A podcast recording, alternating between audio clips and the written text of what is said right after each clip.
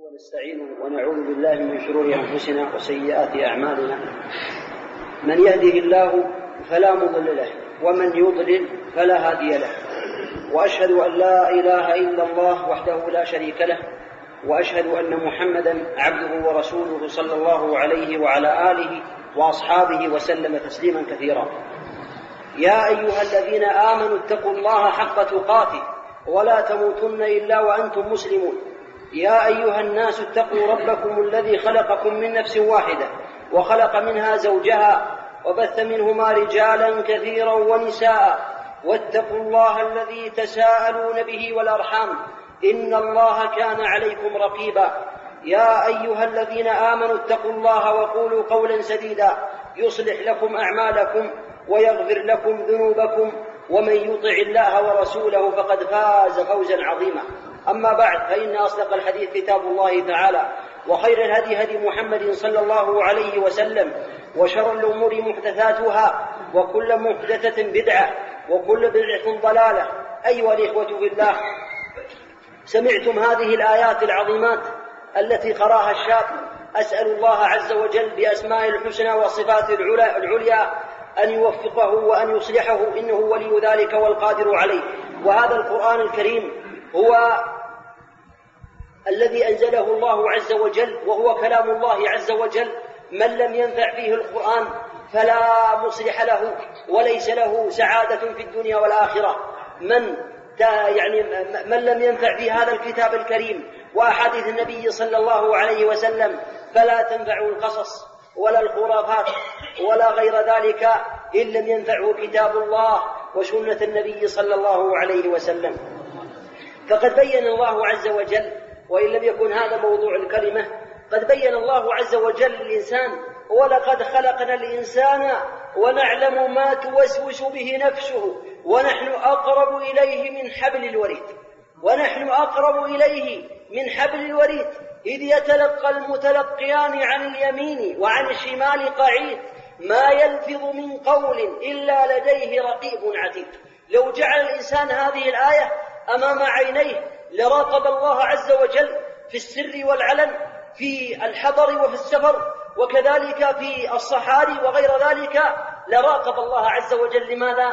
لأنه يعلم أن عنده رقيب وعتيد يسجلان عليه ما يلفظه ويسجلان عليه حتى ما يدور في قلبه إن صمم على ذلك ولم يمنعه عن ذلك إلا العجز إذا أراد أن يفعل جريمة وحاول واجتهد في ذلك فإن هذا يسجل عليه بإخبار من الله عز وجل. ما يلفظ من قول إلا لديه رقيب عتيد. هذا مسجل على ولذلك لو حاسب الإنسان نفسه على هذه الآية وجعل هذه الآية أمام عينيه لراقب الله عز وجل في السر والعلن وكان هو المعتمد عنده لا يخشى من أحد لا من شرطة ولا من غيرهم ولا من دولة وإنما يخشى من الله عز وجل. يبتعد عن جميع المحرمات سواء كان بحضرة الناس أو بغير حضرة الناس. فالإنسان عليه أن يتقي الله عز وجل وليجعل هذه الآية أمام عينيه وليعلم أنه منتقل إلى الله عز وجل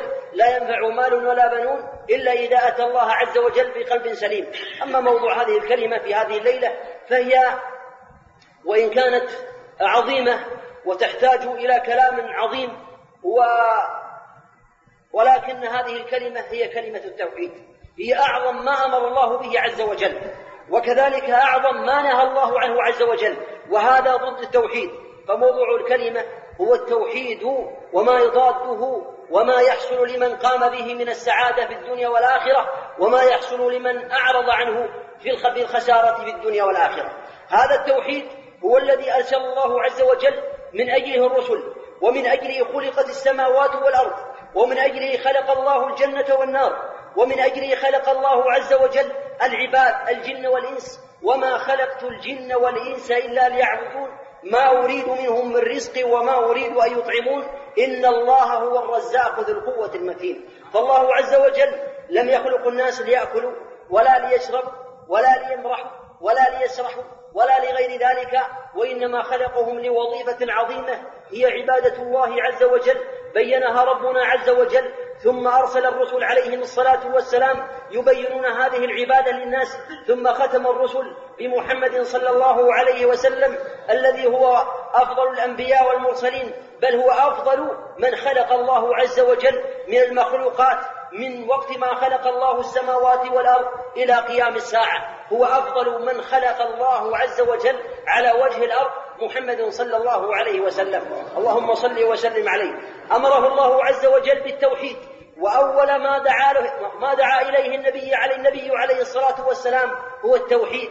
ولذلك بدأ به النبي عليه الصلاة والسلام وكان حينما يرسل الرسل عليه الصلاة والسلام يرسلهم لم يقل قصوا على الناس ولا أخبرهم بكذا ولا كذا ولا بأحكام كذا ولا كذا ولكنه كان يوجههم عليه الصلاة والسلام ويقول لبعضهم وليكن أول ما تدعوهم إليه شهادة أن لا إله إلا الله.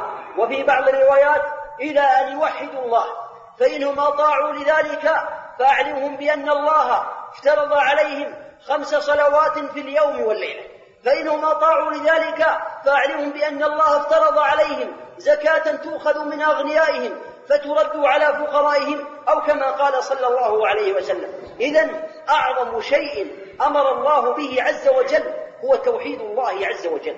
وهذا التوحيد بين النبي صلى الله عليه وسلم فضله وبين الرسل عليهم الصلاة والسلام فضل التوحيد لأن الأنبياء عليهم الصلاة والسلام من أولهم إلى آخرهم يدعون إلى التوحيد إلى شهادة أن لا إله إلا الله إلى أن يعبد الله وحده بإخلاص وصدق ويقين هذا هو دعوة الرسل عليهم الصلاة والسلام وإن اختلفوا في بعض الشرائع ولكن في هذا الأمر أو في أتباع النبي عليه الصلاة والسلام يكون اتباع النبي صلى الله عليه وسلم شرط آخر. الشرط الأول أو الركن الأول هو التوحيد أو العبادة أو الإخلاص لله عز وجل. والركن الثاني هو متابعة النبي صلى الله عليه وسلم. إذا التوحيد قد بين النبي عليه الصلاة والسلام فضله وبين الرسل عليهم الصلاة والسلام قبله ذلك. ولذلك سأل موسى عليه الصلاة والسلام يسأل الله عز وجل يقول يا ربي أخبرني أو علمني شيئا أذكرك به وأدعوك به. فقال الله عز وجل له يا موسى قل لا إله إلا الله. قال موسى يا ربي كل كل عبادك يقولون هذا يعني كل الناس يقولون لا إله إلا الله. فقال الله له يا موسى لو أن السماوات السبع والأراضين السبع في كفة ولا إله إلا الله في كفة لمالت بهن لا إله إلا الله أو كما جاء في الحديث عن النبي صلى الله عليه وسلم.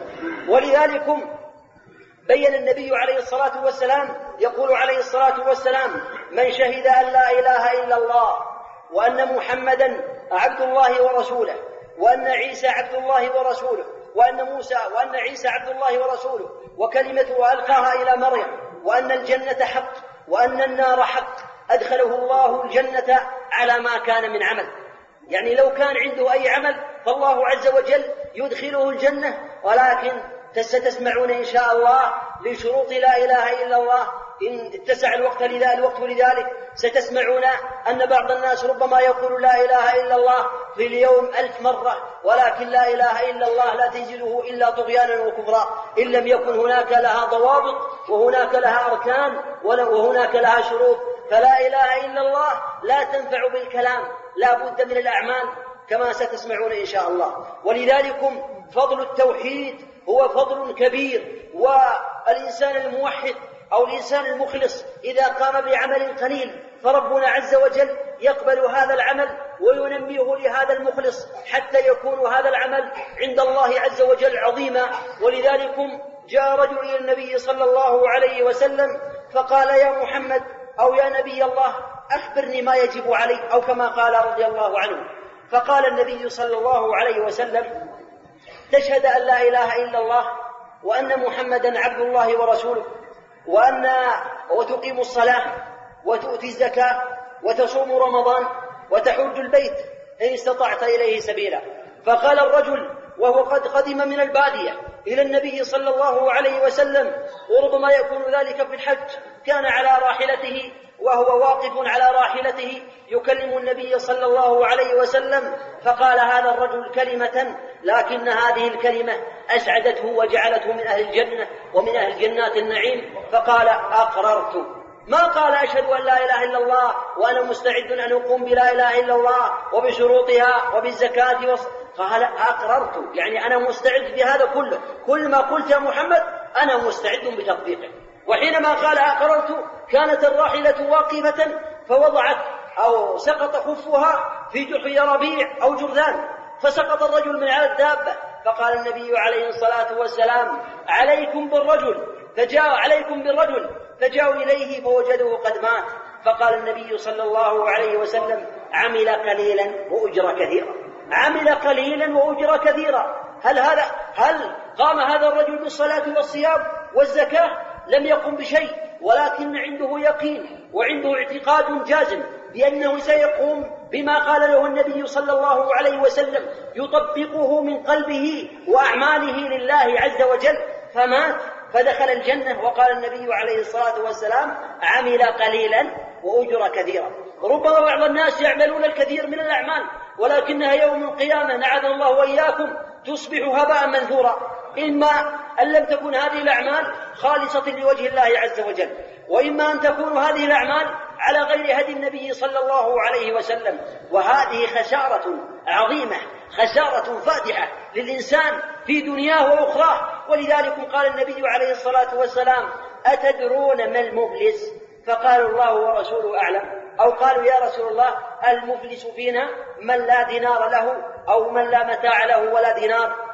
فقال النبي عليه الصلاة والسلام ولكن المفلس من يأتي يوم القيامة بصيام وصدقة وصلاة ويأتي وقد شتم هذا وسفك دم هذا وضرب هذا فيأخذ هذا من حسناته وهذا من حسناته فإن فنيت حسناته ولم يبقى عليه شيء أخذ من سيئاتهم أخذ من سيئات أصحابه ثم طرحت في ظهره على ظهره ثم زج به إلى النار عاد الله وإياكم من النار والحديث رواه مسلم. أما الحديث الأول فهو حديث جيد رواه الإمام أحمد. وهذا أمر عظيم. كل الإنسان يصلي ويصوم ولكنه يأتي بأعمال خبيثة تبطل أعماله أو تؤخذ هذه الأعمال وتعطى غيره فحينئذ يكون المفلس. أما الإنسان المخلص لله عز وجل ولو كانت أعماله قليلة فإن هذا الإنسان يكون سعيدا في الدنيا والآخرة. أسأل الله عز وجل بأسمائه الحسنى والصفات العليا أن يجعلنا وإياكم من المخلصين المتقين الذين يراقبون الله عز وجل في السر والعلن لا يرجون جزاء ولا شكورا إلا منه عز وجل. أما التوحيد فالتوحيد معناه هو الإخلاص أو هو توحيد الله عز وجل بأسمائه وصفاته. وعبادته وأفعاله وأقواله. جميع ما يصدر من هذه الأنواع يوحد الله عز وجل يجعل الله واحد ويجعل الله واحدا في هذه الأمور. فأول أنواع التوحيد هو توحيد الأسماء والصفات أو منها توحيد الأسماء والصفات. ما معنى توحيد الأسماء والصفات؟ معناه أنك لا تنسب لله اسما ولا تصف الله عز وجل بصفته إلا وهو الذي وصف بها نفسه عز وجل. أو وصفه بها رسوله صلى الله عليه وسلم. مثال ذلك من كتاب الله العزيز الله سمى نفسه بالغفار وسمى نفسه بالكريم والرحمن الرحيم العزيز الجبار المتكبر السلام المؤمن المهيمن وغير ذلك من الأسماء. وهذه الأسماء تدل على أشياء تدل دلالة واضحة على صفات فاسمه العظيم أو اسمه الغفار. هو دليل هو من أسماء الحسنى. ولكنه يدل على صفة أخرى وهي صفة المغفرة وإنه غفار الذنوب يغفر عز وجل لعباده عز وجل ولذلك بين النبي صلى الله عليه وسلم فيما يرويه عن ربه تبارك وتعالى أن الله عز وجل يقول يا لو لقيني عبدي بقراب الأرض خطايا أو عبدي لو آتيتني بقراب الأرض خطايا أو لقيتني بقراب الأرض خطايا للقيتك ولم تشرك بي شيئا لأتيتك بقرابها مغفرة أو, أو كما جاء في الحديث عنه عليه الصلاة والسلام. معنى ذلك الإنسان إذا وحد الله عز وجل وجاء يوم القيامة وقد وحد الله عز وجل وإن كان عنده ذنوب قد تاب منها فإن الله عز وجل يغفر له الذنوب جميعا. فاسمه الغفار يدل على أنه يغفر الذنوب عز وجل. والتواب هذا من أسمائه عز وجل وهو الذي قاله في كتابه. هذا دليل واضح على أن هناك صفة لله عز وجل وهي صفة التوبة فهو يتوب على عباده. قل يا عبادي الذين أسرفوا على أنفسهم لا تقنطوا من رحمة الله إن الله يغفر الذنوب جميعا إنه هو الغفور الرحيم. فالله عز وجل يغفر الذنوب جميعا. وكذلك إذا علم بأن الله الرزاق وهو من أسمائه عز وجل فالمؤمن المسلم يخلص لله عز وجل ويعلم بأن الرزاق هو الذي بيده الأرزاق ومن صفته الرزق هو الذي يرزق عز وجل. فهو كل ما في الدنيا من الأمور التي يحبها الإنسان المسلم سواء كانت علما أو فضلا أو مالا أو صحة أو غير ذلك أو أولادا أو غير ذلك كلها هذه من رزق الله عز وجل. كل الأشياء من رزق الله عز وجل. رزقه عام ولكن هناك رزقان رزق للقلوب ورزق للأجساد. فالطعام والشراب وغير ذلك من أرزاق الأجساد. وأما العلم النافع والإخلاص لله عز وجل والإنابة إليه فهي من أرزاق القلوب. نسأل الله عز وجل ألا يحرمنا وإياكم من أرزاق القلوب إنه ولي ذلك والقادر عليه. هذا بالنسبة لأسماء الله عز وجل. لا يجوز لا يجوز للإنسان المسلم أن يسمي الله عز وجل باسم أو صفة إلا وهو الذي سمى بها نفسه أو سماه بها النبي صلى الله عليه وسلم. فإذا ورد ذلك فالإنسان يتوقف. الإنسان الجاهل الذي ليس عنده علم لا يقول إن الله شجاع ولا يقول إن الله كذا. يقول يا فلان أنت شجاع. قل لا الله شجاع. يقول يا فلان آه أنت يعني آه تفعل كذا وكذا. قل لا يعني ينسب إلى الله إلى الله عز وجل. صحيح لو كانت من أسماء الله لو قال يا أنت كريم يجوز له أن يقول الله الكريم. أو يقول أنت رحيم فيقول الله الرحيم. أو يجوز له إذا كان هذا الاسم من أسماء الله عز وجل أو من صفاته. أما إذا كان لم يدري فيتوقف. العلم عند الله ويتوقف عن هذا. ثم هذا بالنسبة لتوحيد الأسماء والصفات. عليه أن يوحد الله عز وجل ويعلم بأن الله عز وجل له صفات الكمال التي لا يتطرقها أي نقص. فهو الكامل عز وجل في أسمائه وصفاته وهو القدير القادر على كل شيء. هناك توحيد اللي قال له توحيد الربوبية. توحيد الله عز وجل بأفعاله. هو توحيد الله عز وجل بأفعاله. مثال ذلك الله الخالق الرازق المحيي المميت المعز المذل الخافض الرافع يعطي من يشاء ويحرم من يشاء يهب لمن يشاء إناثا ويهب لمن يشاء الذكور ويجعل من يشاء عقيما وغير ذلك. المهم أفعال الله عز وجل كلها يقال لها توحيد الربوبية فعليك أن تجعل هذه هذه الأشياء كلها لله عز وجل. لا يشاركه بها أحد لا يشارك في الخلق أحد. ولا يشارك في الرزق أحد ولا يشارك في توفيق العباد أحد ولا يشارك في تدبير الأمور أحد. هو العزيز الحكيم وهو المدبر للأمور كلها عز وجل. وهذا كل الناس يقولون وحتى الكفار اليهود والنصارى يشهدون أن الله على كل شيء قدير وأن الله الذي خلق السماوات والأرض. ولئن سألتهم ليقول من خلق السماوات والأرض ليقولون الله يقولون الله الذي خلق السماوات والأرض لكن هناك توحيد هو الذي طلبه الله عز وجل وهو الذي قام به الإنسان فهو قد تضمن التوحيد الأول وتوحيد الأسماء والصفات وتوحيد كذلك الربوبية وهو توحيد الله عز وجل بأفعال العباد. توحيد الله عز وجل بأفعال العباد يعني سواء كانت صلاة أو زكاة أو حج أو غير ذلك من جميع العبادات لا بد وأن تكون هذه العبادة خالصة لله عز وجل لا يعبد إلا الله ولا يتوكل إلا عليه ولا ينذر إلا لله ولا يذبح إلا لله ولا يستغيث إلا بالله ولا يحلف إلا بالله. جميع أمورها أموره يجعلها لله وحده سبحانه وتعالى. في جميع ولا يخشى إلا الله ولا يراقب دائما إلا الله عز وجل. ولا يعلق قلبه إلا بالله عز وجل. كل أموره يجعلها لله عز وجل علانية وسرا. هذا هو توحيد العبادة الذي هو معنى لا إله إلا الله. معنى لا إله إلا الله. هو لا معبود بحق إلا الله. معنى لا إله إلا الله لا معبود بحق إلا الله. هو المستحق للعبادة سبحانه وتعالى. ولا إله إلا الله كما سمعتم من أجلها خلق الله السماوات والأرض. ومن أجلها خلقت الجنة والنار ومن أجلها أرسل الله الرسل لا إله إلا الله وحده سبحانه وتعالى.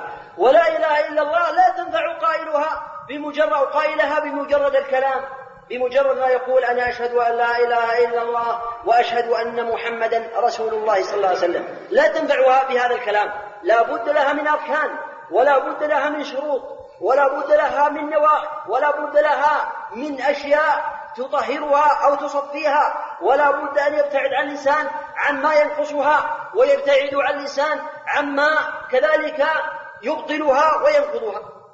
فمن ذلك أولا فضلها. قال النبي عليه الصلاة والسلام من شهد أن لا إله إلا الله وأن محمدا رسول الله حرمه الله على النار. هذا كلام النبي عليه الصلاة والسلام.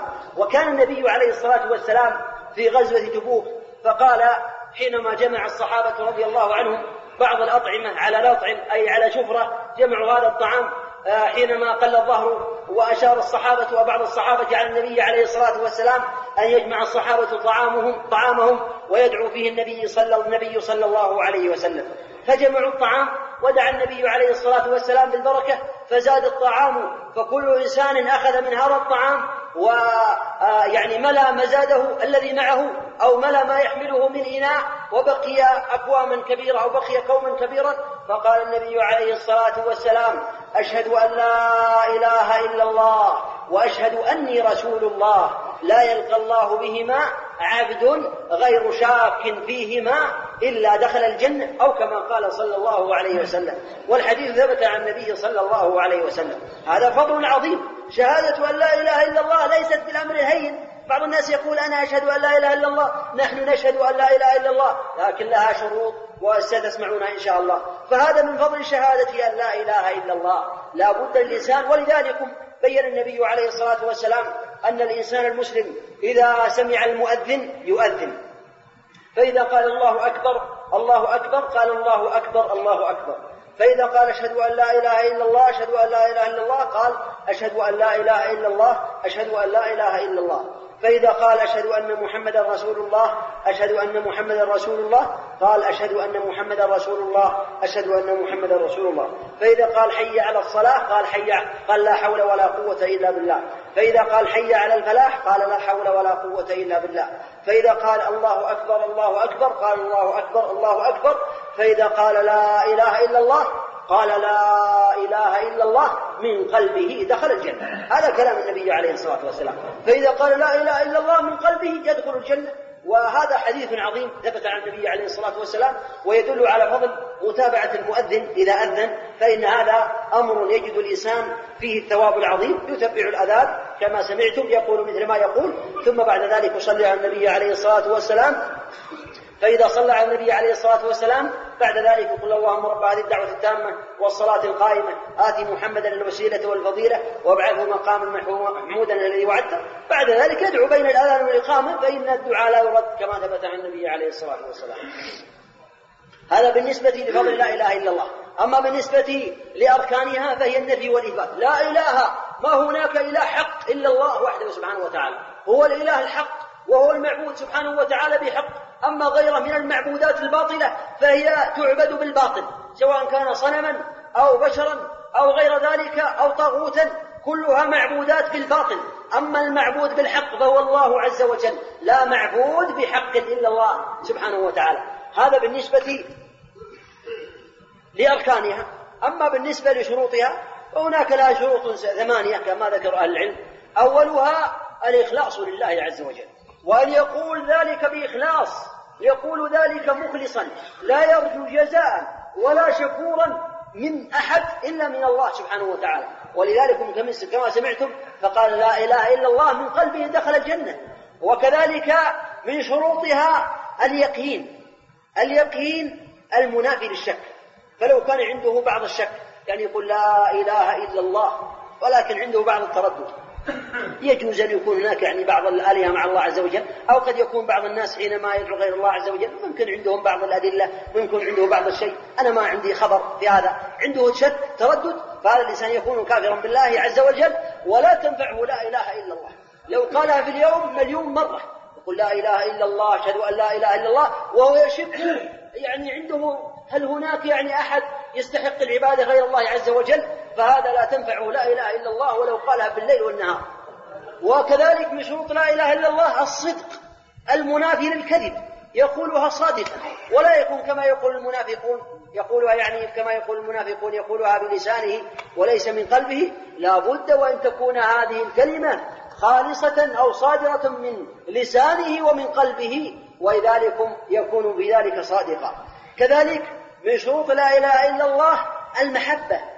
أن يحب لا إله إلا الله يحبها ويعمل بمقتضاها وبما جاء في معناها عن النبي صلى الله عليه وسلم يحبها ويحب فيها يحب لله ويعطي لله ويمنع لله من أجل لا إله إلا الله.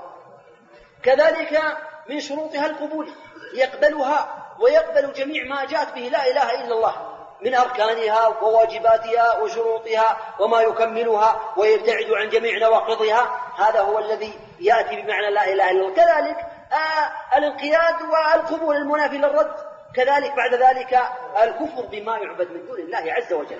كل إنسان يعبد أو شجر أو حجر يعبد من دون الله عز وجل فكل إنسان يجعل في قلبه أو يعقد في قلبه بأن هذا الشيء لا يستحق العبادة وإنما ذلك لله وحده سبحانه وتعالى. هذه شروط لا إله إلا الله من أتى بها فقد آه، جاء بلا إله إلا الله. لكن هناك أمور أخرى. وهي لا بد وأن يبتعد عن نواقض لا إله إلا الله. هناك أشياء تنقض لا إله إلا الله وتفسدها. الإنسان لو صلى ويعني توضأ ثم جاء إلى المسجد وكبر ثم أحدث. يعني خرج منه شيء حدث وكمل صلاته. ولكن هذا الإنسان إذا كمل صلاته وهو محدث فصلاته غير مقبولة ولو سجد ولو قرأ بالقرآن كله من أوله إلى آخره ولو سبح في ركوعه ولو عظم الله عز وجل آه، ولو سبح في سجوده وعظم الله في ركوعه لا يقبل الله منه مثقال ذرة من صلاته.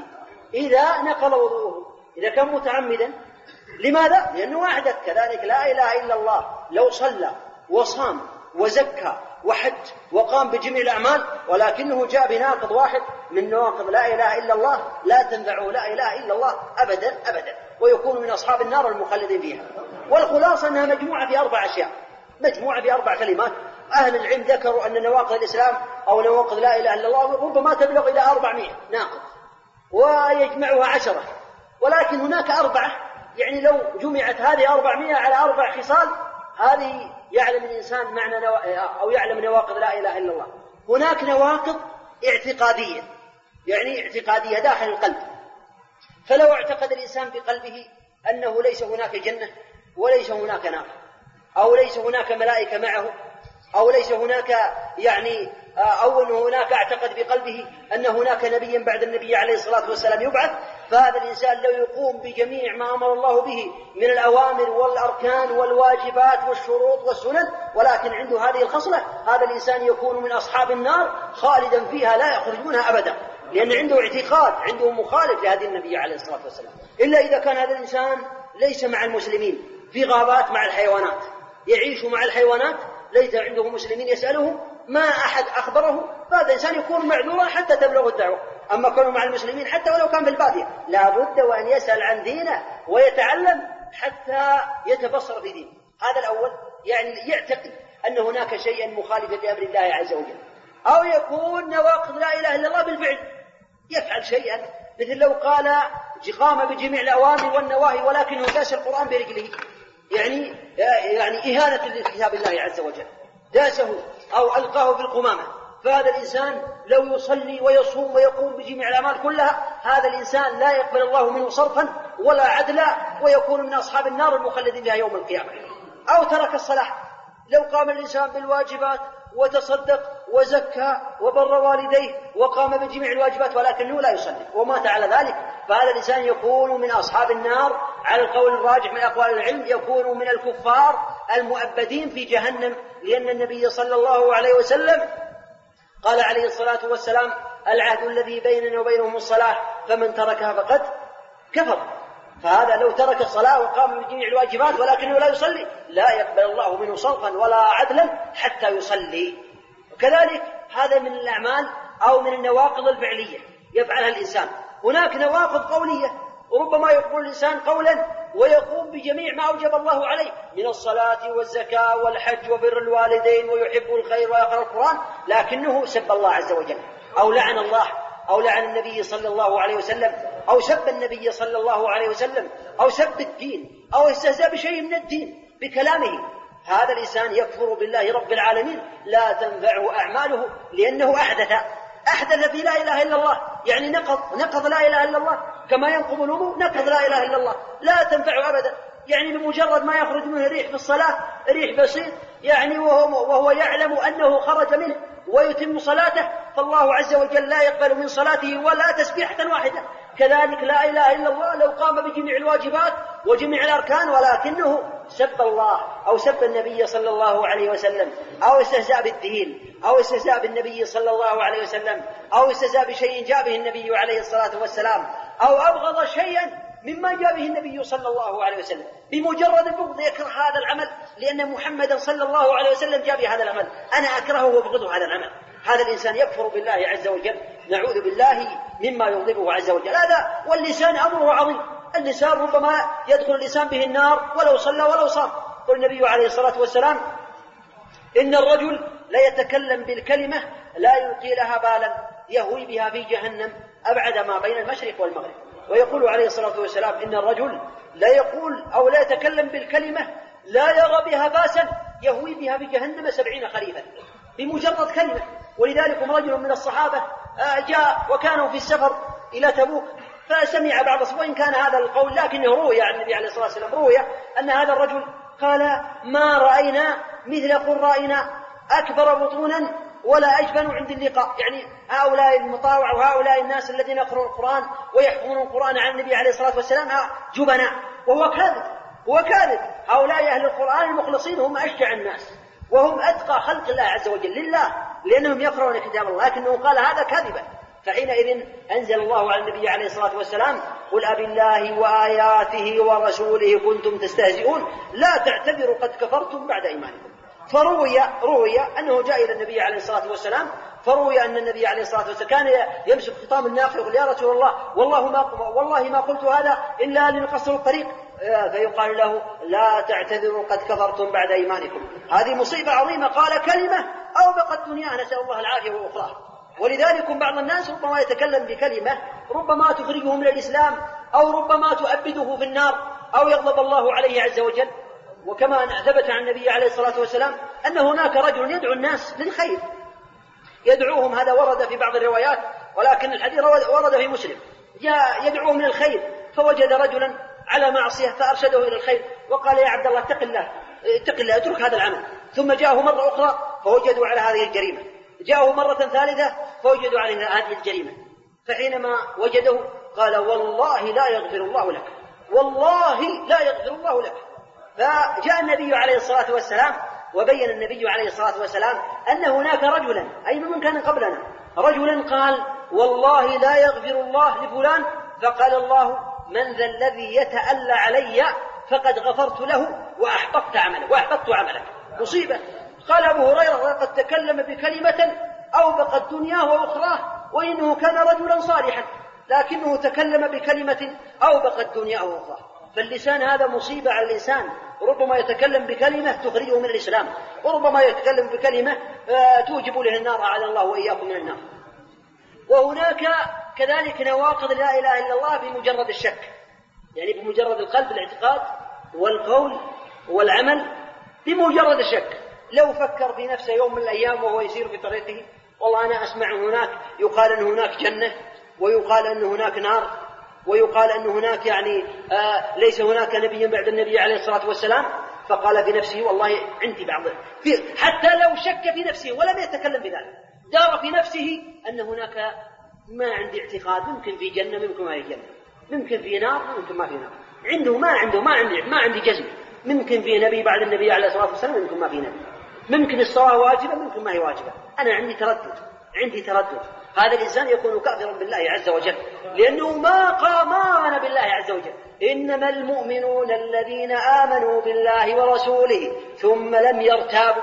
وجاهدوا ما هم الذين لم يرتابوا؟ آمنوا بالله وصدقوا بالله عز وجل ولم يرتابوا ولم يشكوا في ذلك وإنما آمنوا بالله. ولماذا؟ لماذا يكون كافرا؟ لأنه شك. وهذا الشك بمجرد أنه كذب الله وكذب النبي صلى الله عليه وسلم فالله يخبره بأن هناك جنة وأن هناك نار وأنه ليس هناك نبيا بعد النبي صلى الله عليه وسلم أخبر بذلك النبي صلى الله عليه وسلم وغير ذلك.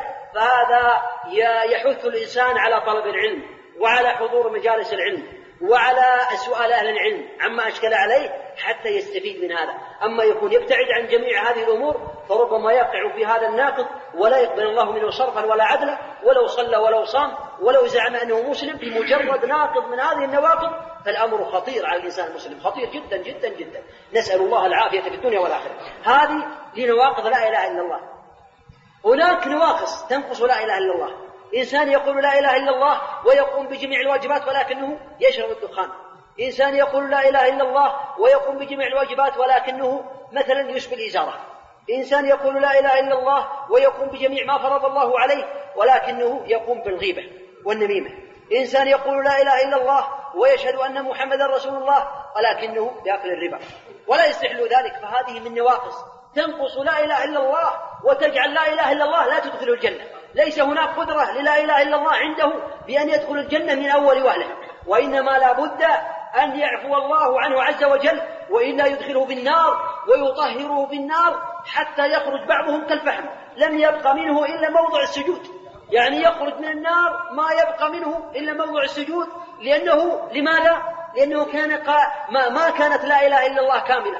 هو مسلم ومؤمن ولا يخلد في النار أبدا. المسلم المؤمن لا يخلد في النار. إذا لم يأتي بشيء من نواقض لا إله إلا الله وجاء بناقص من هذه الكبائر ولم يستحل ذلك فهذا متوعد بجهنم يدخل فيها ومتى يخرج منها؟ الله أعلم. يبقى مليون سنة العلم عند الله. مئتين سنة العلم عند الله. يبقى مدة عمره العلم عند الله سبحانه وتعالى. وإن شاء الله عفى عنه وهو أرحم الراحمين من أول وهلة. ويدخلون في النار ولذلك جاءت شفاعة النبي عليه الصلاة والسلام. شفاعة النبي عليه الصلاة والسلام ليست في الكفار ولا المنافقين ولا المجرمين ولكنها لعصاة النبي لعصاة أمة محمد صلى الله عليه وسلم. يدخلون النار يشفع النبي عليه الصلاة والسلام فيهم عليه الصلاة والسلام بتوحيدهم وإيمانهم بالله عز وجل. فيخرج النبي عليه الصلاة والسلام بشفاعته أقواما وقد احترقوا وامتحشوا لم يبق منهم إلا موضع السجود فيلقون في نهر يقال له نهر الحياة فينبتون كما تنبت الحبة في حمل السيل. فيعني ألم تراها صفراء ملتوية أو كما قال النبي عليه الصلاة والسلام ثم يدخلون الجنة بعد ذلك. لكن من يستطيع الآن وهو في الدنيا ونار الدنيا جزء من سبعين جزء من نار الآخرة. من يستطيع؟ يوقع على جمرة يأخذ عنده جمرة ويوقع عليها كما يوقع في الاسطبة يوقع خمس دقائق عشر دقائق وهو جاعل يده في, في الجمرة. ويعطى ملك الدنيا. ولو تعطيه ملك الدنيا كلها على أن يوقع ويبقى عشر دقائق لا يستطيع ذلك أبدا. ولو وافق على ذلك أول وهلة لا يستطيع أن يستمر على ذلك. تقطع قلبه ويجد الألم الشديد. وهذه نار الدنيا يعني دقيقة. أما بالك يا أخي ببعض المجرمين وبعض العصاة الذين يدخلون النار؟ أعاذ الله وإياكم من النار. ثم المعاصي التي هي نواقص لا إله إلا الله. تنقصها؟ قد تستمر هذه النواقص حتى تخرج الإنسان من الإسلام. مثال ذلك لو استمر على الربا. استمر ويعلم أنه معصية وبعد ذلك مدة وبعد مدة وبعد مدة رأى أنه هذا الربا أنه حلال. هؤلاء الناس متزمتون الربا. ما, الذي؟ إيش عند ما, ما الذي حصل؟ أنا عندي نقود وأعطيتها رجل آه يعني عندي عشر آلاف وأعطيتها رجل ب عشر ألف. ما الذي حصل؟ ما حصل ضرر. أنا نفعته. هذا كلام غلط. يعني كلام غلط يقول الربا حرام. هذا غلط. هذا الإنسان يكون كافرا بالله عز وجل. ويحصل ذلك بالمداومة إذا داوم على ذلك واستمر على ذلك يخشى عليه أن يكون مستحلا. ولذلك يكون مع أصحاب النار مع الكفار والمنافقين في نسأل الله العافية في قعر جهنم ولا يخرج منها أبدا. هذه نواقص لا إله إلا الله المعاصي. هناك يعني مقتضى لا إله إلا الله. ما هو مقتضاها؟ مقتضى لا إله إلا الله الأعمال. إذا كنت تشهد أن لا إله إلا الله فعليك أن تصلي وعليك تقوم بالواجبات كلها. إذا كنت تشهد أن لا إله إلا الله وأن محمدا رسول الله صلى الله عليه وسلم فعليك أن تقوم بالأعمال وتعلم أن الأعمال من لا إله إلا الله. ولذلك يقول النبي عليه الصلاة والسلام الإيمان بضع وسبعون شعبة أو ستون شعبة أفضلها قول لا إله إلا الله وأدناها إماطة الأذى عن الطريق. فقول لا إله إلا الله هي أعلى درجات الإيمان وإماطة الأذى من الطريق هي كذلك من الإيمان.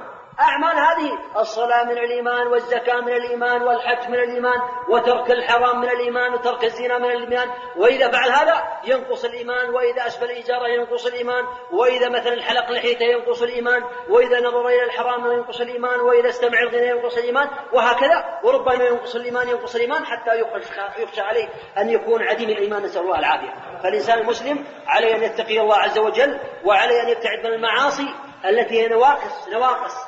تنقص لا إله إلا الله وتعظمها بنفس الإنسان وربما تنقص هذه الأشياء حتى تؤذي بها إلى الهلاك. نسأل الله العافية. فعليه أن يبتعد عن نواقص لا إله إلا الله.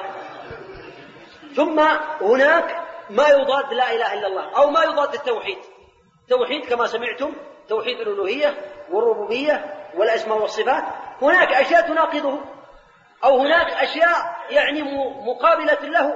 وهذه الأشياء هي أعظم ما نهى الله عنه عز وجل. أعظم ما نهى الله عز وجل هو الشرك بالله عز وجل. هو أعظم جريمة أعظم مصيبة يصاب بها الإنسان من بني آدم هي وكذلك من الجن هو الشرك بالله عز وجل. ولذلك الشرك بالله يكون على ثلاث يكون على قسمين. شرك أكبر أو يكون على ثلاث أقسام لكن القسم الثالث يدخل في القسم الأخير.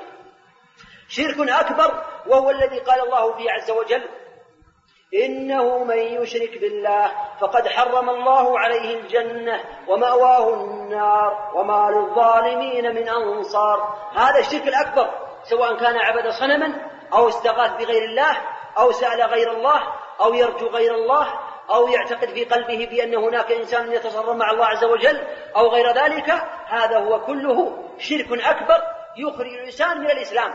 ولذلك يقول النبي عليه الصلاة والسلام اجتنبوا أو يقول ألا أنبئكم بأكبر الكبائر؟ قلنا بلى يا رسول الله. قال النبي عليه الصلاة والسلام الإشراك بالله وعقوق الوالدين وكان متكئا فجلس فقال ألا وقول الزور وشهادة الزور؟ فما زالوا يكررها حتى قلنا ليته سكت أو كما قال صلى الله عليه وسلم. فالشرك بالله الشرك الأكبر هو أعظم جريمة يعصى بها ربنا عز وجل. ولذلك من لقي الله عز وجل لا يشرك به شركا أكبر فهذا الإنسان تحت مشيئة الله تحت رحمة الله عز وجل أي تحت المشيئة. إذا قام بجمع الأعمال ولكنه لقي الله لا يشرك به شيئا الشرك الأكبر فهو إن شاء الله عز وجل أدخله الجنة من أول وهلة وإن شاء الله عز وجل إن الله يغفر الذنوب إن الله لا يغفر أن يشرك به ويغفر ما دون ذلك لمن يشاء. هذا بالنسبة للشرك الأكبر. أعاذنا الله وإياكم من الشرك الأكبر ومن الشرك الأصغر ومن جميع ما يغضبه عز وجل. هناك شرك أصغر وهو الذي خافه النبي صلى الله عليه وسلم على أمته. أو أولا قبل هذا من الشرك الأكبر آه السحر هو من الشرك الأكبر. لماذا؟ أو الكهانة من الشرك الأكبر. لماذا؟ تعد من الشرك الأكبر؟ لأن الكاهن يدعي علم الغيب وعلم الغيب هو لله عز وجل. فجعل هذا الإنسان فكان شريكا أو ادعى هذا العلم وهذا خاص بالله إذا هذا قد جعل الله شريكا عز وجل. فالكهانة أو الكهان والسحرة هم كفار وهم يجب قتلهم ويجب على من علمهم أن يبلغ عنهم السلطات أو المحاكم أو غير ذلك من آه يعني المسؤولين في الدولة. يجب على بعض الناس يخفيهم. إذا كان هناك منجم أو كان هناك كهان أو عراف أو غير ذلك هو يخفي عليه. يقول هذا إنسان صديق لنا وفلان طيب وفلان كذا يعلمنا وكنا ناتي إليه سابق الأزمان ويجعل آه كذا يكون كالدجاجة وكذا ك هذه يخفي عليه. هذا إنسان مشارك له في الإثم نسأل الله العافية. وكذلك من أتى إليه يكون كافرا بالله رب العالمين. يقول النبي عليه الصلاة والسلام من أتى كاهنا أو عرافا فصدقه بما يقول فقد كفر بما أنزل على محمد صلى الله عليه وسلم. ما الذي أنزل على محمد؟ القرآن الكريم. فلو كان هناك عرافا يعرف الأشياء الضائعة. يقال إن فلان عنده حصى ويحركه أو عنده شيء أو فلانة العجوز الفلانية عندها أشياء تحركها وتخبرنا بالشيء الضائع. تخبر بالغنم وتخبر بكذا وتخبر بكذا والنقود وان فلان الذي سرق أنا أذهب إليها. إذا ذهب البعيد إليها فهذا الإنسان يخرج من دينه كما قال النبي عليه الصلاة والسلام. والنبي عليه الصلاة والسلام من أتى كاهنا أو عرافا فصدقه بما يقول فقد كفر بما أنزل على محمد صلى الله عليه وسلم. لماذا كفر؟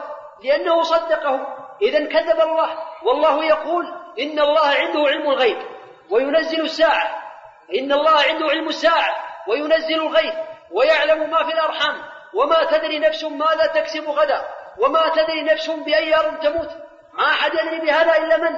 إلا الله عز وجل. فأنت إذا أو البعيد إذا صدق الكاهن والعراف معنى ذلك إنه كذب الله وصدق هذا. إذا يكون هذا كافرا بالله رب العالمين ويكون في نفس الوقت مشرك لأنه وافق هذا المشرك على أنه يشارك الله عز وجل في علم الغيب. كذلك الساحر لو سحر يكون كافرا بالله رب العالمين. وأنت إذا ذهبت إلى الساحر كذلك تكون مشاركا له مشاركا للساحر لأن الساحر لا يكون ساحرا آه، خبيثا مجرما آه، يأتي وينفذ ما يفعله إلا إذا كفر بالله.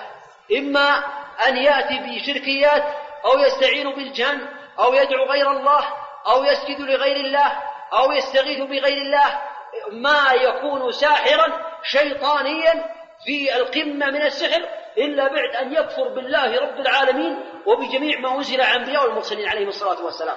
فإذا حصل له ذلك ها فحينئذ يكون ساحرا وتأتي الشياطين تخدمه لأنه كان ساحرا. فربما يحصل التأثير منه وربما يخبر بالأشياء. يخبر يقول يعني يأتي إنسان يسأله فيخبره يقول وقع في بلدة كذا وكذا أخبار كذا وكذا. فيصدق المسكين. والله هذا صادق. عندكم شجرة في المكان الفلاني حصل عندها كذا وكذا. صدق هذا حصل عندنا. أنت وأنت مسكين يعني بني آدم لو كان عندك خبر تتصل بالتليفون على يعني أي منطقة من المناطق تسأل فلان عندكم وش الذي حصل ما الذي حصل في المنطقة الفلانية؟ حصل كذا وكذا. جزاكم الله خيرا. السلام عليكم. كذلك هذا الجن عنده جن يستخدمهم في الأشياء الموجودة. أما علم الغيب لا يعلمه إلا الله عز وجل. لكنه يستخدمه أخبروني عن كذا وكذا ما الذي حصل في منطقة كذا وكذا؟ ما الذي كذا؟ يخبرون في الحال يخدمون لأنه كافر بالله رب العالمين ولأنه أصبح منهم. حتى قد روي بعض عن بعض الناس أنه كان يحج يوم عرفة. يوم عرفة يحج حتى يحضر مع الناس. يبقى في بيته في منطقة من المناطق وهي بعيدة ربما تكون في نجد. كما ذكر بعض أهل العلم ذلك يبقى في بيته حتى يوم عرفة وفي يوم عرفة يسرح من البيت ما كان هناك طائرات ولا سيارات ولا غير ذلك يركب على راحلته ويحضر مع الناس في عرفات يحج تحمله الشياطين. وفي يوم من الأيام مات هذا الرجل وأخذ ولده هذه الراحلة وذهب وحينما كان في الصحراء البرك البعيد وجاء الشيطان وقال تسجد لي. أنت ما سجدت. أبوك كان يسجد. أنت لابد أن تسجد حتى أوديك الآن عرفات. نظر في الأمر قال أنا ما أودي الوالد إلا بهذا السجود. يسجد لي من دون الله عز وجل وودي عرف طيب هذا الإنسان كفر لا ينفع لا حجه ولا صيامه ولا صدقته كافر بالله. أشرك مع الله. إنه من يشرك بالله فقد حرم الله عليه الجنة ومواه النار وما للظالمين من أنصار. فلا يستغرب الإنسان المسلم. لو أخبره الساحر أو الكاهن بأمور لا يستغرب هذا من الجن. يخبرون بما بما في الوجود. أما الذي آه، من علم الغيب فلا يعلمه إلا الله عز وجل. وربما يأتي كلمة واحدة يخبرها الساحر ثم يكذب معها مئة كذبة كما قال النبي عليه الصلاة والسلام. أما الإنسان الصادق الذي يقول أنا أكذب الساحر وهذا الساحر يعني أنا أعلم بأنه دجال لكن أريد أذهب إليه أرى ماذا يعمل؟ يعني أذهب إليه وأرى ماذا يعمل. فهذا قد قال النبي عليه الصلاة والسلام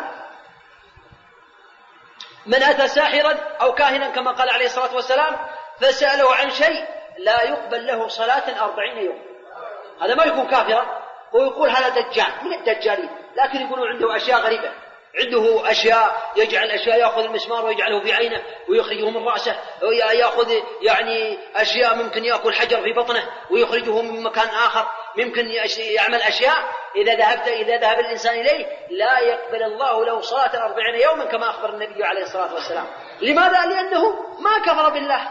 يعني هو عنده اعتقاد بأنه كاذب لكنه ذهب يتفرج على هذا الرجل فالله لا يقبل له صلاة أربعين يوما كما ثبت ذلك عن النبي عليه الصلاة والسلام. فالمسلم عليه أن يتقي الله عز وجل ويبتعد عن هذه الشركيات هناك شرك أصغر وهو الذي خافه النبي صلى الله عليه وسلم على أمته.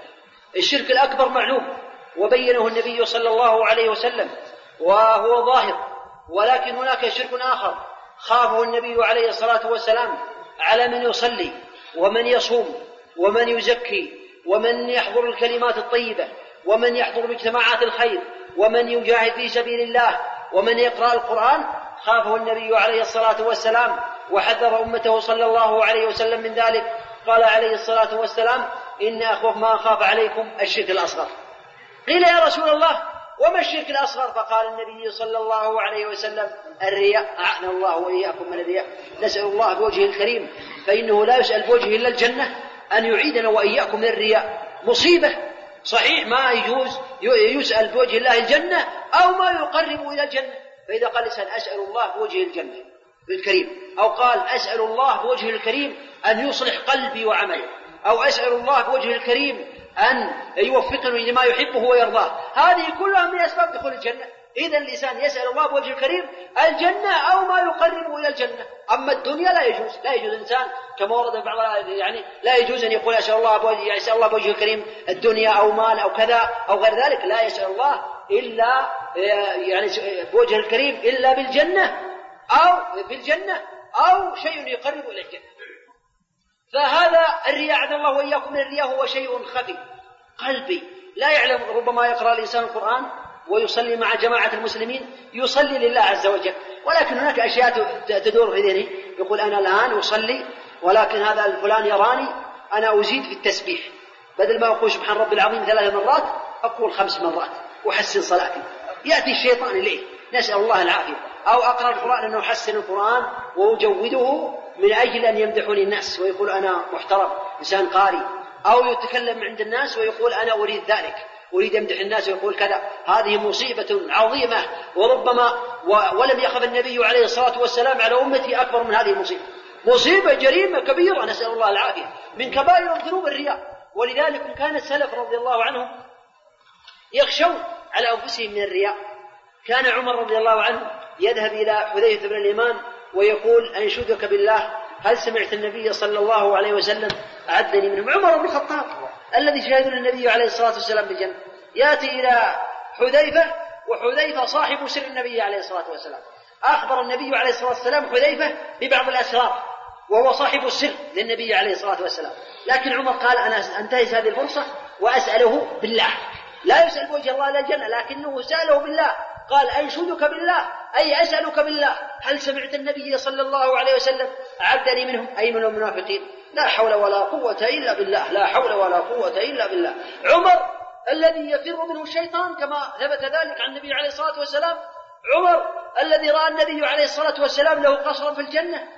عمر الذي كان يقول الحق ولا يخشى من أحد إلا من الله كان يخشى على نفسه من الرياء. إذا هذه هذه ميزة عظيمة لأصحاب الإيمان أنهم دائما يخافون الله عز وجل من الرياء والنفاق ويسألون الله ما أحد يراهم إلا الله عز وجل. يسألون الله الإخلاص فإن الإنسان لا يستطيع إلا بتوفيق الله عز وجل له. قلبه معلق بين إصبعين من إصابع الرحمن. يسأل الله عز وجل أن يصلح قلبه وعمله. يسأل الله ذلك. ولذلك كان بعض السلف يقول لو علمت أن الله تقبل مني ركعة واحدة أو صلاة واحدة لسألت الله الموت أو كما قال رضي الله عنه وإن لم يكن يجوز الانسان يسأل الله الموت. وقال بعضهم يعني آه كان يقول الله عز وجل أو كان النبي عليه الصلاة والسلام تسأل عائشة تقول يا رسول الله أرأيت قول الله عز وجل حينما يقول يعني يقول الله عز وجل إنما يتقبل الله من المتقين. فبعض الصحابة يقول هذا الأشياء إنما يتقبل الله من المتقين. يقول لو علمت أن الله تقبل مني شيئا لا أحب إلا كان ذلك أحب إلي من الدنيا وما فيها. فلذلك قال الله عز وجل والذين يؤتون ما آتوا وقلوبهم وجلة أنهم إلى ربهم راجعون. قالت عائشة رضي الله عنها يا رسول الله أهو الرجل يصلي أهو الرجل يشرب الخمر ويسرق ويزني قال النبي عليه الصلاة والسلام لا يا ابنة الصديق ولكنه أو يا ابنة أبي بكر ولكنه الرجل يصلي ويصوم ويزكي ويخشى ألا يتقبل منه. هذه مصيبة عظيمة عند بعض الناس. يعني هذه والذين يؤتون ما آتوا وقلوبهم وجلة أنهم إلى ربهم راجعون. يعني حينما يصلي يجد في قلبه بعض الشيء هل قبل الله صلاتي؟ يجد في إذا زكى هل قبل الله زكاتي؟ إذا حج هل قبل الله حجي؟ أو هناك عندي نقص لأن النقص من نفس الإنسان ليس من الله عز وجل أبدا. فأنت إذا أديت العبادة ترجو ما عند الله وتخشى عقاب عز وجل فربنا عز وجل لا يظلمك مثقال ذرة. فإذا كان هذا موجودا عند الإنسان ويعني يخشى الله ويخشى أن لا يتقبل منه فهذا دليل على إيمانه ودليل على تقواه لله عز وجل ودليل على مراقبته لله عز وجل.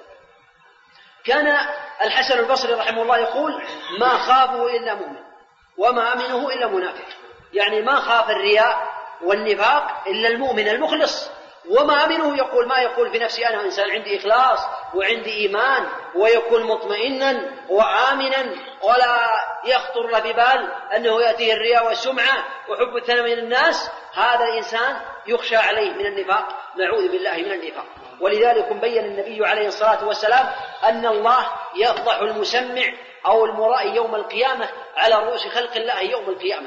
نعوذ بالله يقول النبي عليه الصلاة والسلام من سمع سمع الله به ومن يرائي يرائي الله به. يعني يوم القيامة معنى ذلك يفضحه على رؤوس الأشهاد يوم القيامة. يبين بأن هذا العمل لم يكن خالصا لوجه الله وإنما كان يريد به شيئا من أمور الدنيا. ألا يعلم بأن الله القادر على كل شيء؟ ألا يعلم بأن الله الرازق؟ ألا يعلم بأن الله المعز المذل؟ ألا يعلم بأن الله الخافض الرافع؟ ألا يعلم بأن الله الذي يطلع على السرائر؟ لماذا يفعل هذا؟ عليه أن يعلم بهذا وإذا رأى ذلك يرى الناس أنهم من أناس عاديين لا يضرون ولا ينفعون ولا يعطون ولا يمنعون ولا يرزقون ولا يقطعون الرزق. الرزق بيد الله وكل شيء بيد الله. إذن هذا الإنسان يقطع قلبه من الناس ويكون قلبه معلقا بالله وحده. لا يخشى إلا الله ولا يعبد إلا الله عز وجل في أموره. أما ولذلك ثبت عن النبي عليه الصلاة والسلام وإن كان هذا الحديث طويل لكن باختصار أن هناك رجلا كان يجاهد في سبيل الله ورجل آخر كان يقرأ القرآن ويعلم الناس الخير ورجل آخر كان آه يعني ينفق على الناس ويكرم الأضياف وينفق على الفقراء المساكين. فأخبر النبي عليه الصلاة والسلام أن هؤلاء الثلاثة أول من تشعر بهم النار يوم القيامة. أول من يدخل النار هؤلاء الثلاثة أول من تشعر بهم النار ثلاثة كما بينهم النبي عليه الصلاة والسلام. وكان أبو هريرة يبكي رضي الله عنه الذي شهد له النبي عليه الصلاة والسلام ودعا له النبي عليه الصلاة والسلام دعا له بمحبة المؤمنين له كان يبكي رضي الله عنه. يحدث بهذا الحديث ويبكي وهذا دليل واضح على إيمانه وتقواه لله عز وجل. وهو من صحابة النبي صلى الله عليه وسلم الذين حفظوا من العلم النافع ما ما لم يحفظه غيره رضي الله عنه. كان يبكي إذا حدث بهذا الحديث. لماذا؟ لأنه يعلم ويخشى الله عز وجل. فهؤلاء الثلاثة أول من تشعر بهم النار يوم القيامة. يؤتى بالأول وهو الذي جاهد في سبيل الله عز وجل فيسأل عن نعمة الله فيعرفها فيعرفها. فيقول ماذا فعلت فيها؟ فيقول جاهدت في سبيلك حتى قتلت. فيقال له كذبت. وإنما فعلت ذلك ليقال هو هو جري هو شجاع. هذا الإنسان رجل الشجاع. وقد قيل يعني قد قيل هذا الأمر. أنت نويت هذا وأردت هذا وقد حصلت عليه وليس لك إلا هو. هذا معنى الحديث. ثم يؤمر به فيسحب على وجهه إلى جهنم. عن الله وإياكم من جهنم. ثم يؤتى بالرجل الذي كان يقرأ القرآن. وليس كل الناس يفعل بذلك إنما ما يفعل بذلك إلا المنافق. الذي يرائي الناس بأعماله نسأل الله العافية. يؤتى بهذا الرجل فيعرف نعمة الله عز وجل فيعرفها فيقال ماذا فعلت فيها؟ فيقول يا ربي قرأت القرآن من أجلك وعلمت الخير من أجلك أو كما قال آه هذا الرجل فيقال له كذبت. وإنما فعلت ذلك أو إنما قرأت القرآن ليقال هو قارئ وقد قيل. وعلمت الناس أو كما قيل وقد قيل ثم يؤمر به ويسحب على وجه النار ليس له إلا مراد نعوذ بالله من غضبه عز وجل. ثم يؤتى بالرجل الذي كان يكرم الناس وياتي بالأشياء ولكنها ليست لوجه الله عز وجل. فيؤتى به فيقال يعرف نعمة الله عز وجل. فيعرفها فيقال ماذا فعلت؟ فيقول يا ربي ما تركت من سبيل تحب أن ينفق لك فيه إلا أنفقت. فيقال له كذبت وإنما يقال هذا وإنما فعلت ذا هذا ليقال هو جواد هو كريم. وقد قيل ثم يؤمر به ويسحب على وجهه إلى النار عاذ الله وإياكم من النار. فالأمر خطير خطير خطير الذي خافه النبي عليه الصلاة والسلام وهو أصدق خلق الله عليه الصلاة والسلام وهو الذي لا ينطق عن الهوى إن هو إلا وحي يوحى خافه النبي عليه الصلاة والسلام. هو هذا الأمر الخطير على الإنسان المسلم فعليه أن يتقي الله عز وجل وعليه أن يجعل أعماله لله عز وجل ولذلك جاء يقول الله عز وجل من كان يريد العاجلة عجلنا له فيها ما نشاء لمن نريد. ثم جعلنا له جهنم يصلاها مذموما مدحورا. ومن أراد الآخرة وسعى لها سعيها وهو مؤمن فأولئك كان سعيهم مشكورا. قال أهل العلم أن العمل للدنيا على أربعة أصناف أو أربعة أنواع. إما أن يعمل للدنيا إما أن يعمل يعني هذه الأعمال الصالحة من صلاة وصيام وصدقة وحج يقوم بهذا من أجل هدف واحد وهو أن يحفظ الله أولاده ويحفظ الله جسده من المرض ويعافيه في هذه الدنيا وينعم عليه بالأولاد وينعم عليه بالمال. فإذا كان يريد ذلك لا يرجو جنة ولا يرجو نار ولا خوفا من الله عز وجل في يوم القيامة. فهذا الإنسان ليس له إلا هذا في الدنيا وليس له من نصيب يوم القيامة. أبدا ليس له شيء. لماذا؟ هو يصلي ومخلص لله وربما يبكي ولكن عنده هدف ويزكي ويقوم بأعمال الخير. ما السبب؟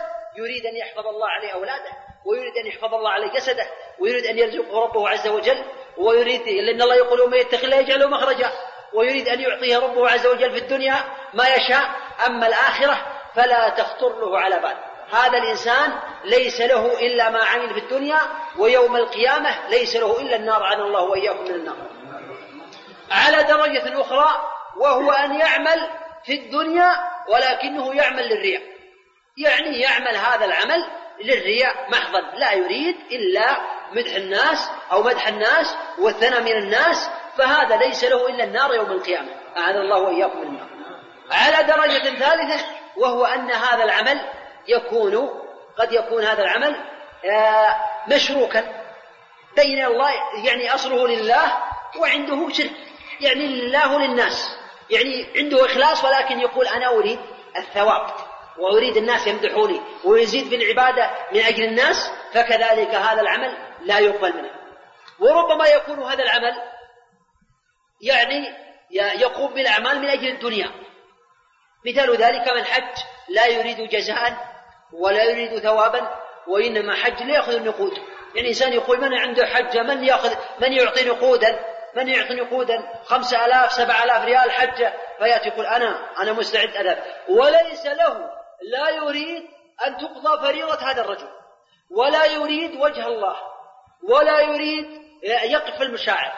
ولا يريد جزاء ولا شكورا. وإنما يريد هذه السبعة الآلاف أو هذه الستة فهذا ليس له خير وليس له فلاح نسأل الله العافية. أو كم من يصلي يصلي. إمام مسجد أو مؤذن مسجد أو فراش مسجد أو مجاهد في سبيل الله أو يحدث على الناس أو يعلم الناس الخير. لكنه لا يفعل ذلك إلا من أجل المرتب. لا يقصد وجه الله عز وجل ولا يريد من الله جزاء ولا شكورا. فهذا ليس له من هذا العمل إلا ما أراد. نسأل الله العافية. وليس له في الآخرة للنار. عد الله وإياكم من النار. درجة أخرى وهو أنه ربما يعمل هذا العمل يكون خالصا لله عز وجل ويكون قائما بهذه الأعمال لله وحده لا يرجو جزاء ولا شكورا إلا من الله عز وجل ولكنه يأتي بناقض من نواقض الإسلام إذا هذا ليس له في الآخرة من نصيب وليس له إلا النار أعاذنا الله وإياكم من النار. فالإنسان المسلم عليه أن يسأل نفسه وعليه أن يسأل الله عز وجل أن يصلح قلبه وعمله وأن يوفقه لما يحبه ويرضاه. وأن يرزقه العلم النافع والعمل الصالح ويبتعد عن جميع المحرمات حتى يكون سعيدا في دنياه وفي أخراه ويكون موفقا وتكون أعماله مقبولة يخشى على أعماله ألا تقبل كما سمعتم السلف رضي الله عنهم. ولذلك كان كان ابن أبي مليكة يقول استعيذوا أو يقول أدركت ثلاثين من أصحاب النبي صلى الله عليه وسلم. أدرك ثلاثين من أصحاب النبي صلى الله عليه وسلم. ليس منهم أحد إلا ويخشى على نفسه النفاق. كلهم يخاف على نفسه النفاق. يخاف من الرياء يخاف من السمعة يخاف يسمعة يخاف أن لا يتقبل عمله. لماذا؟ يخشى من ذلك. هذا بالنسبة لأعمال الرياء أعاذنا الله وإياكم من الرياء. هناك أشياء تقدح وتكون موصلة إلى الشرك بالله عز وجل. من هذه الأشياء الرقى والتمائم والتول يقول النبي عليه الصلاة والسلام كما يعني ثبت عنه إن الرقى والتمائم والتولة أو كما قال عليه الصلاة والسلام شرك. فمعنى ذلك الرقى يعني أشياء يرقي بها الإنسان الناس. ما مثال ذلك؟ مثال يأتي عند إنسان يقول هذا الإنسان مطوع هذا الإنسان يقرأ على الناس ويهمهم بشفتيه ويتكلم وينفذ. ماذا تقول؟ أسمعني ما تقول. هل تقرأ قرآن؟ ماذا تتكلم به؟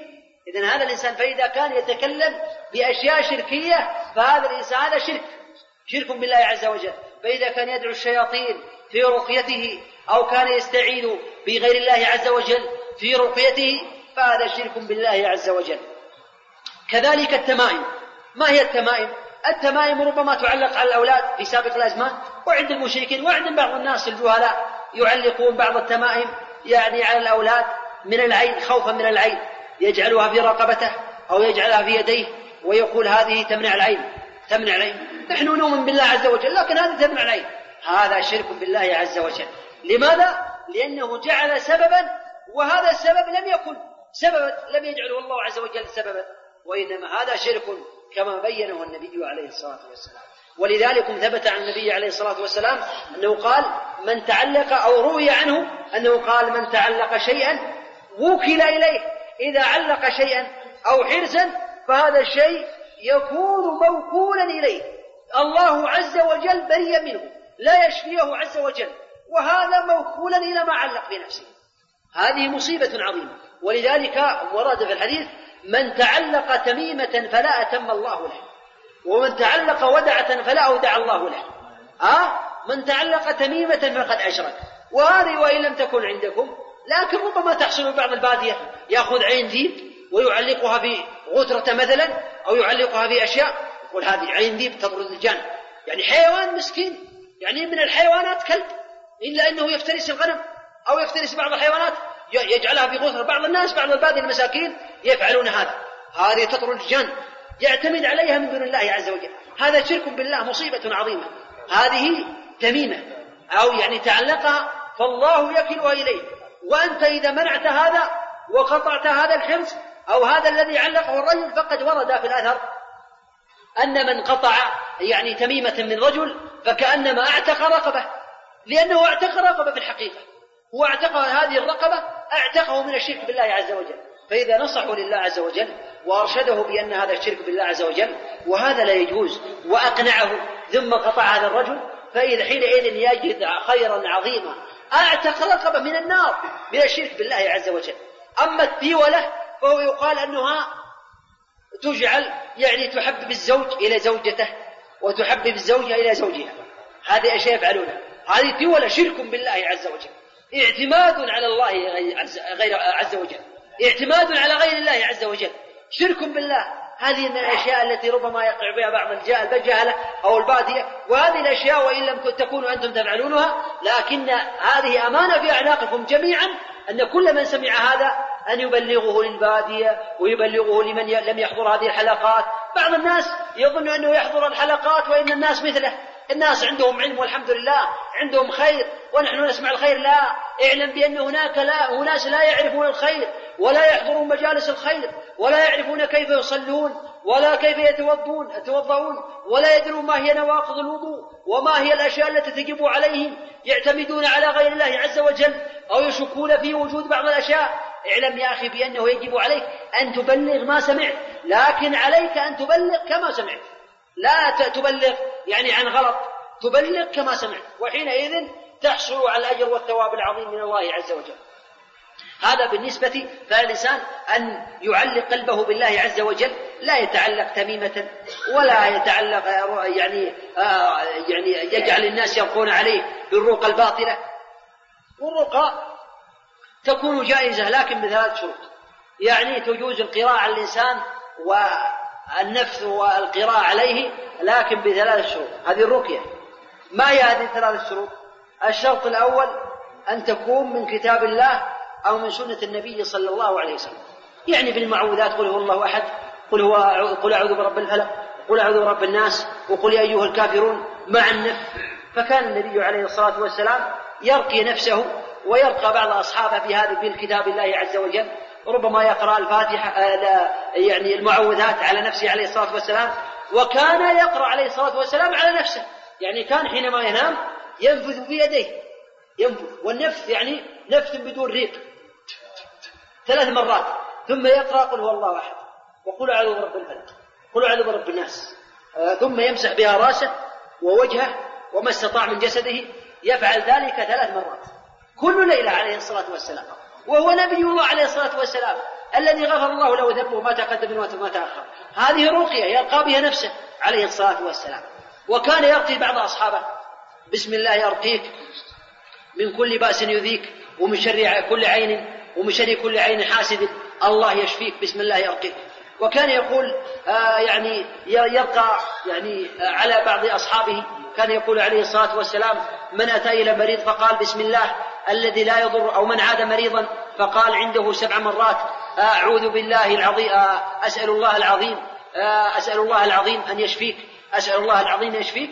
يعني يقولها سبع مرات هذه يكون يشفى بإذن الله عز وجل. وكان يقول اللهم رب الناس أذهب الباس أشفي وأنت الشافي شفاء لا يغادر سقما. لا شفاء إلا شفاؤك شفاء لا يغادر سقما. وهذه كان يلقي النبي عليه الصلاة والسلام. إذا الرقية لا بد أن تكون من كتاب الله أو من سنة النبي عليه الصلاة والسلام. هذا الشرط الأول. الشرط الثاني لا بد أن تسمعها أنت. لا تسمح لأحد يقرأ عليك ويسكت. يعني لا لا بد أن يقرأ ويسمعك. ماذا يقول؟ لما ما ما المانع. يقرأ قل هو الله أحد قل أعوذ برب الناس. وربما يقرأ قل هو الله أحد الله الصمد لم يلد ولم يولد ولم ثم يسكت. ويهمهم همهات أخرى. لا لابد أن تسمع أنت. ما الذي تقول؟ لا يعني لابد أن تكون باللغة العربية. تفهمها أنت. هذا الشرط الثاني. الشرط الثالث أن يكون اعتمادك أنت الذي يلقى عليك ويكون اعتماد الراقي نفسه الذي يرقى على الله وحده. لأنه لا ينفع إلا الله ولا يضر إلا الله ولا يعطي إلا الله ولا يمنع إلا الله عز وجل فحينئذ هذه تجوز الرقية. أما الهمهمة وما أدراك ما الهمهمة فلا يجوز الإنسان أن يأتي إلى إنسان يهمهم عليه بالكلام الباطل لا بد أن يسمعه.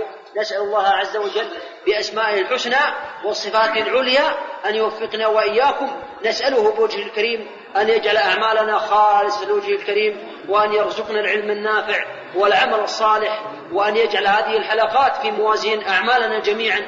إنه ولي ذلك والقادر عليه. ونعوذ بالله أن يدخل فيها رياء أو سمعة ونسأله سبحانه وتعالى أن يوفق الجميع لما يحبه ويرضاه. صلى الله وسلم وبارك على نبينا محمد وعلى آله وأصحابه وسلم تسليما كثيرا. فضيلة الشيخ هذه أسئلة من الإخوان. يقول السائل الأول امرأة لم حجة الإسلام وقد مات وقد مات والدها وتريد أن تخرج له من مالها حج حجة لمن يحج عنه.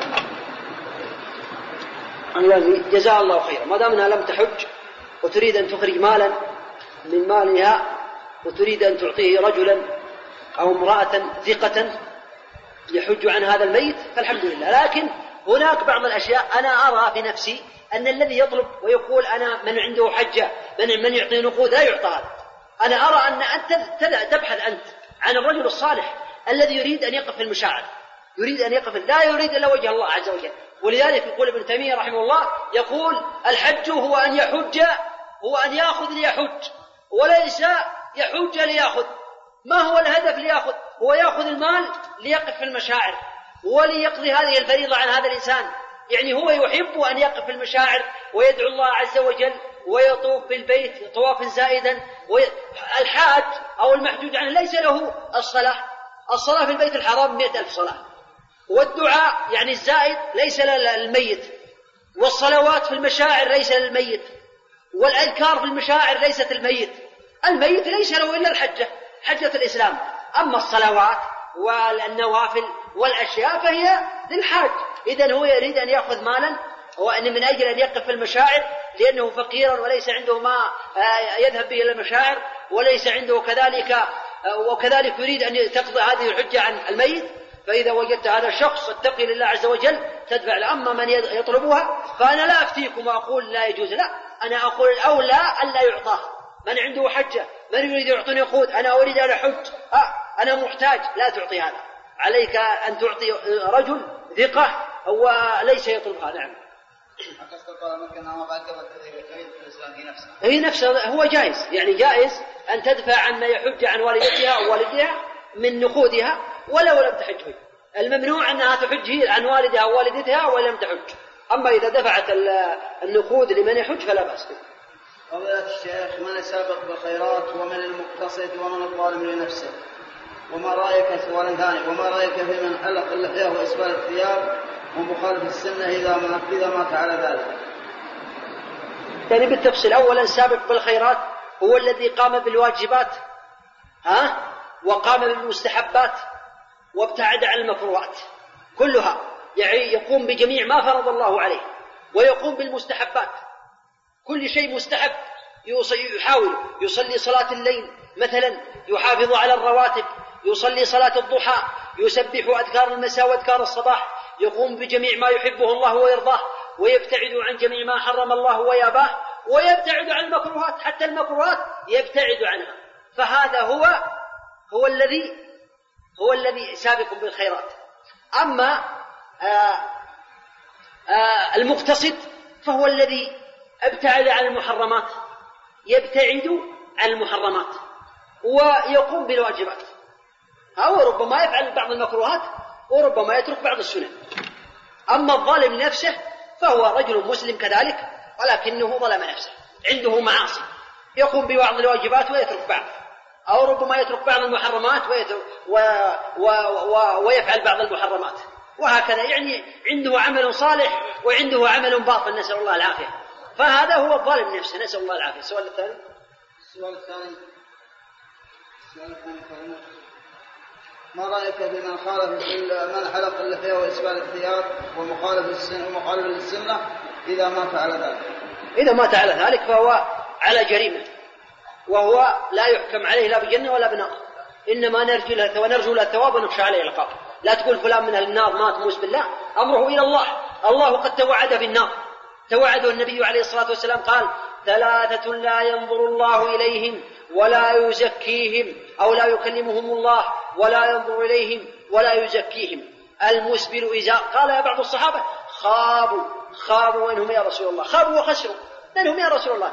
قال المسبل إزارة والمنان والمنفق سلعته بالحلف الكاذب.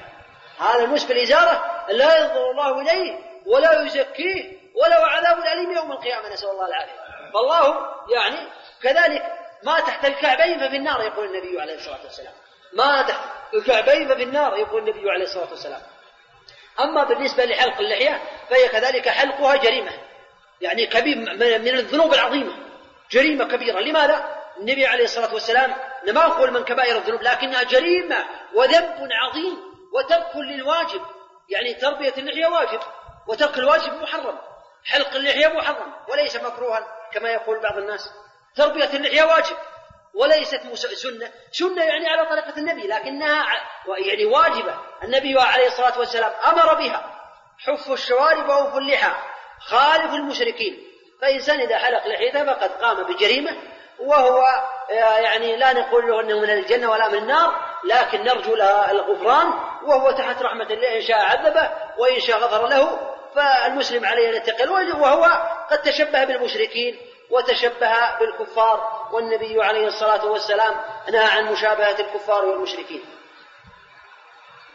إذا قام الإنسان بالعمل مخلصا فيه ثم حصل له بنصفه رياء هل يحبط عمله أم نصف عمله والوجه الآخر إذا قام بالعمل يريد به غير الله في منتصف العمل حصل له توبة وإخلاصا فما حكم ذلك؟ يعني إذا بدأ الإنسان بالصلاة مثلا نسأل الله العافية وهو مخلص لله عز وجل لا يرجو إلا وجه الله.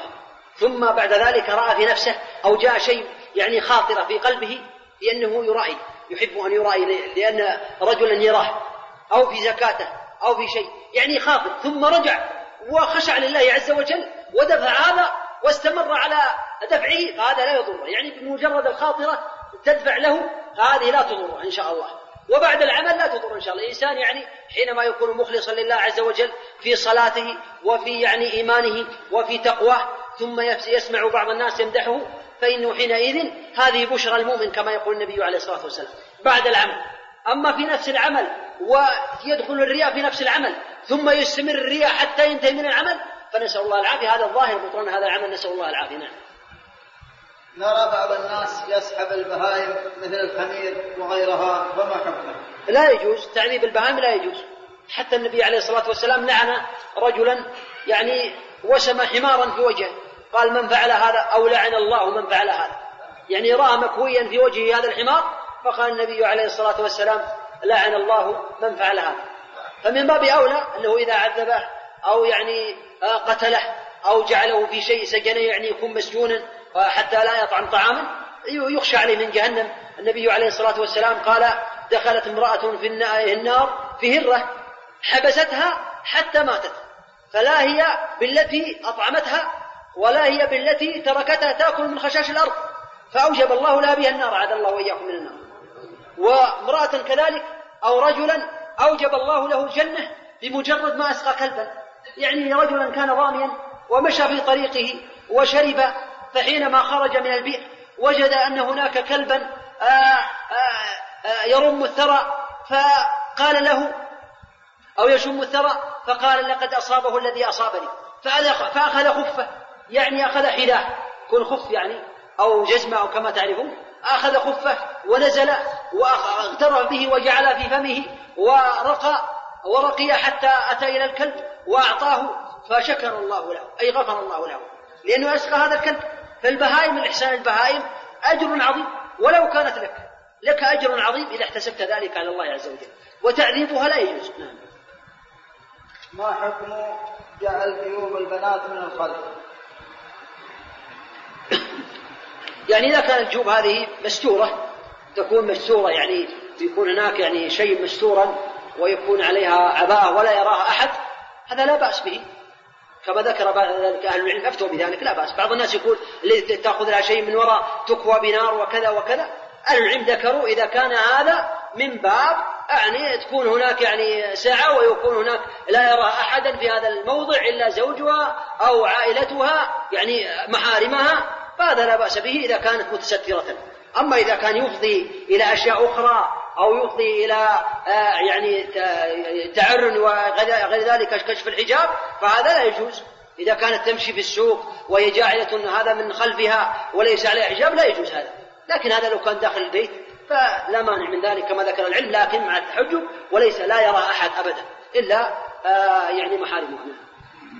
رجل يعرف الماء ويوزن له بير وقال احفر في هذا المكان أو في هذا المكان ماء إذا كان, إذا كان هذا الرجل عنده يعني علم يعرف يعني مواقع الأرض ويعرف الجبال ويعرف الأودية ويعرف الشعاب ويعرف دائما عنده خبرة عنده خبرة أعطاه الله خبرة. يعني أما كونه يرى ما يرى كاذب. من قال يحفر تجد كذا كذا هذا يعني دليل على أنه كاذب ما عنده شيء ما عنده خبرة. أما إذا كان يعرف يعني آه، يعرف مواقع الأرض ويعرف شكل الأرض بأن هذه الأرض فيها ماء وهذه الأرض ما فيها ماء هذا إنسان لا بأس بأن يسأل عن هذه الأشياء وليست من علم الغيب. هذه الأشياء ليست من علم الغيب. أنت تعرف يعني أن هذه الأرض يعني فيها ماء أو هذه الأرض فيها ليس فيها ماء بمجرد الخبرة والعمل لا بأس بذلك. أما بمجرد أنك تحصل على كذا وكذا هذا دجل. لذلك بعض الناس أنا أعرفه مرة أخذ له قدر كبير وحفر فيه أنا أعرف هذا الشخص. أخذ قدر كبير وجعل فيه ماء وحفر له مكان وجعل هذا القدر وجاء بهذا المرزم الذي يقولون وقال انظر هل تجد هنا شيء؟ نظر قال ما هنا ماء أبدا ما هنا شيء. قال توكل على الله. اذهب كاذب. يعني دجال. ويأتي عند الإنسان الآخر يقول هنا ماء وهنا. بعضهم دجال وبعضهم صادق. نعم. فضيلة الشيخ شروط لا إله إلا الله في أي كتاب؟ شروط لا إله إلا الله ذكر أهل العلم يعني في في كتيب للشيخ عبد العزيز. بن باز حفظه الله ونفعنا الله وإياكم بعلمه وأطال الله بعمره هذا كتيب اسمه آه، الدروس المهمة لعامة الأمة. ذكر هذه الأشياء الشروط. وكذلك يوجد في كتيب اسمه معارج القبول. معارج القبول. هذا الكتيب للحافظ يعني عالم يقال الحافظ التوحيد. الحافظ الحكمي. وتوجد في بعض الكتب بعض كتب التوحيد. نعم. ما حكم من تاب من ثم عاد على فعلها مرة ثانية وهل له من توبة؟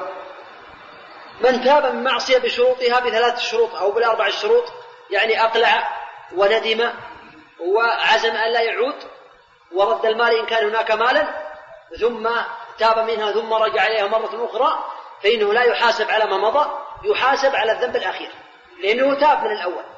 يتاب من الأول تاب الله عليه من الجريمة الأولى أما الجريمة الثانية فهي تسجل عليه حتى يتوب منها. ولا شك أن الرجوع في الجريمة يدل على يعني عدم مراقبة الله عز وجل. ما عنده مراقبة كاملة لله عز وجل ولذلك رجع في الجريمة مرة أخرى. نسأل الله العافية. نعم. كنت شاب لا أصلي صلاة الفجر.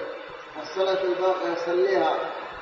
وبعد له رجلا إلى رجعت إلى الله وتبت إليه. فهل أصلي ما فات؟ علما بأنها استمرت وقتا طويلا. أفيدوني جزاكم الله خيرا.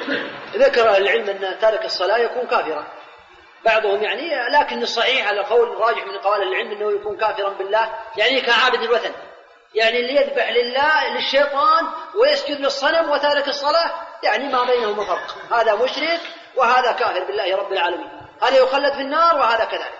هذا القول الصحيح من أقوال العلم النبي عليه الصلاة والسلام. قال العهد الذي بيننا وبينهم الصلاة فمن ترك الكفر.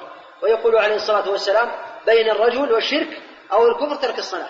فهذا الشاب كان كافرا بالله رب العالمين وأسلم والحمد لله فهو أسلم. يعني مثل اليهودي والنصراني إذا أسلم لا نقول يقضي ما فاتك.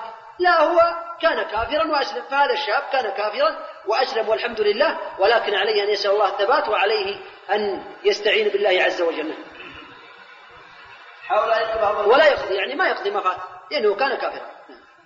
أما الناسي ما يقضي إلا رجل ناسي أو جاهل كما قال النبي عليه الصلاة والسلام من نام عن صلاته أو نسيها فليصليها لا كفارة لها فليصليها إذا ذكر لا كفارة لها إلا ذلك أو كما قال عليه الصلاة والسلام. هذا الناسي والنائم هو يعني هذا يقضي أما المتعمد فلا يقضي حتى لو ترك صلاة واحدة. صلاة صلاتين ثلاث صلوات مضت وبعد مرة مضى عليه يومين أو ثلاثة يقضيها لا يقضيها لأنه كما ذكر بعض أهل العلم أنه بمجرد يترك الصلاة الواحدة يخرج من الإسلام. نسأل الله العافية. بعض المصلين إذا قرأ الإمام الفاتحة وعند الآية إياك نعبد وإياك نستعين فيقول البعض استعنا بالله. ما حكم ذلك من الصلاة وهل ذلك في السنة؟ لا لا لم يأتي ذلك في السنة عن النبي عليه الصلاة والسلام وهذا يعني محدث لا يجوز. يعني تقول استعنا بالله والنبي عليه الصلاة والسلام لم يكن الصحابة يفعلون هذا ولا يعني ما يقول أي كلمة أبدا. لا يقول استعنا بالله وإنما ينصت لهذا ينصت, ينصت للإمام. نعم.